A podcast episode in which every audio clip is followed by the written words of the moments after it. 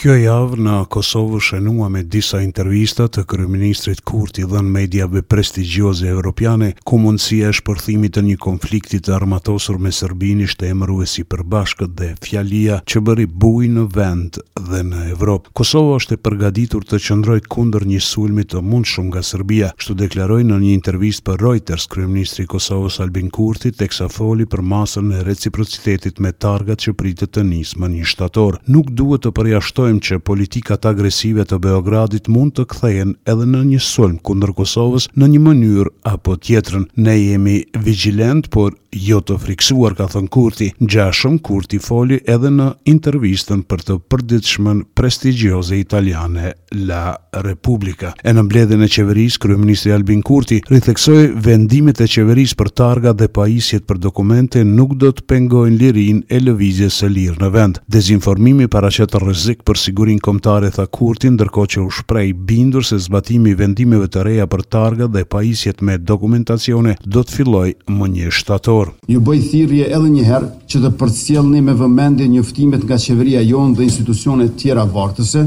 të verifikoni burimet e lajmeve dhe të mos lejoni që të dezinformoheni nga ata që synim mund ta kenë destabilizim. Fushata jonë e informimit për regjistrimin e tabelave të veturave do të vazhdojë dhe nuk do të ndalet as pas një shtatorit, kur edhe do të rifillojnë së zbatuari dy vendimet tona. Ndërkaq lidhur me deklaratat e presidentit serb Aleksandar Vuçiç se Kosova po përgatit sulme në veri për të likuiduar sërbët atje, Kryeministri Albin Kurti ka thënë se ka autokratë që janë të shqetësuar për progresin e arritur në Kosovë dhe kur flasin për dhunën dhe vrasjet, flasin për vete e jo për Republikën e Kosovës. Kur ata flasin për dhunë, kur ata flasin për vrasje, flasin për vete. Nuk flasin për Republikën tonë. Dita e një gushtit do të shkonte tërësisht paqësore, mirëpo me tridhjetë e një korrik u ngritën ato barrikada prej njerëzve të cilët kishin nxitur, planifikuar, përgatitur e financuar strukturat ilegale që u bënë banda kriminale nëpër rrugët në veri të Kosovës. Ndërkaq nënkryetari i Kuvendit të Kosovës, Enver Hoxhaj i ka reaguar kryeministrit Albin Kurti për deklaratat e tij për luftë duke thënë se nëse situata qenka serioze kryeministri duhet të thërrasë Kuvendin dhe të japë shpjegim publik. Hoxhaj përmes një statusi në Facebook ka thënë se gjatë kësaj jave kryeministri Albin Kurti dy herë foli për një luftë të mundshme ndërmjet Kosovës dhe Serbisë. Javën tjetër Kurti takohet kontakt me Vuçiqin në Bruksel, çfarë kuptimi ka dialogu dhe diplomacia në tavolinë kur në terren po kërcënohemi me luftë, ka shkruar Hoxhaj. Nëse ka ndonjë sinjal për situata serioze, Kurti duhet ta njoftojë opozitën dhe partnerët. Hoxhaj tutje ka thënë se sipas Kushtetutës, kryeministri dhe presidenti i Republikës kanë për detyrë të thërrasin mbledhjen urgjente të Kuvendit të Kosovës çdo herë kur kanë informacione të besueshme se ka rrezik të drejtpërdrejtë për luftë dhe konflikt të armatosur. Kur rrezikohet siguria dhe mbrojtja e vendit, jeta dhe prona e qytetarëve, ka shkruar Hoxhaj. Sekretari i Përgjithshëm i NATO-s, Jens Stoltenberg, do t'i presë në selinë e NATO-s më shtatëmbëdhjetë gusht në takime të ndara kryeministrin e Kosovës, Albin Kurti dhe presidentin e Serbisë, Aleksandar Vuçiq. Për këto takime ka njoftuar vetë Aleanca përmes një komunikate për media, ku bëhet e ditur se pas secilit takim do të ketë edhe konferencë të përbashkët për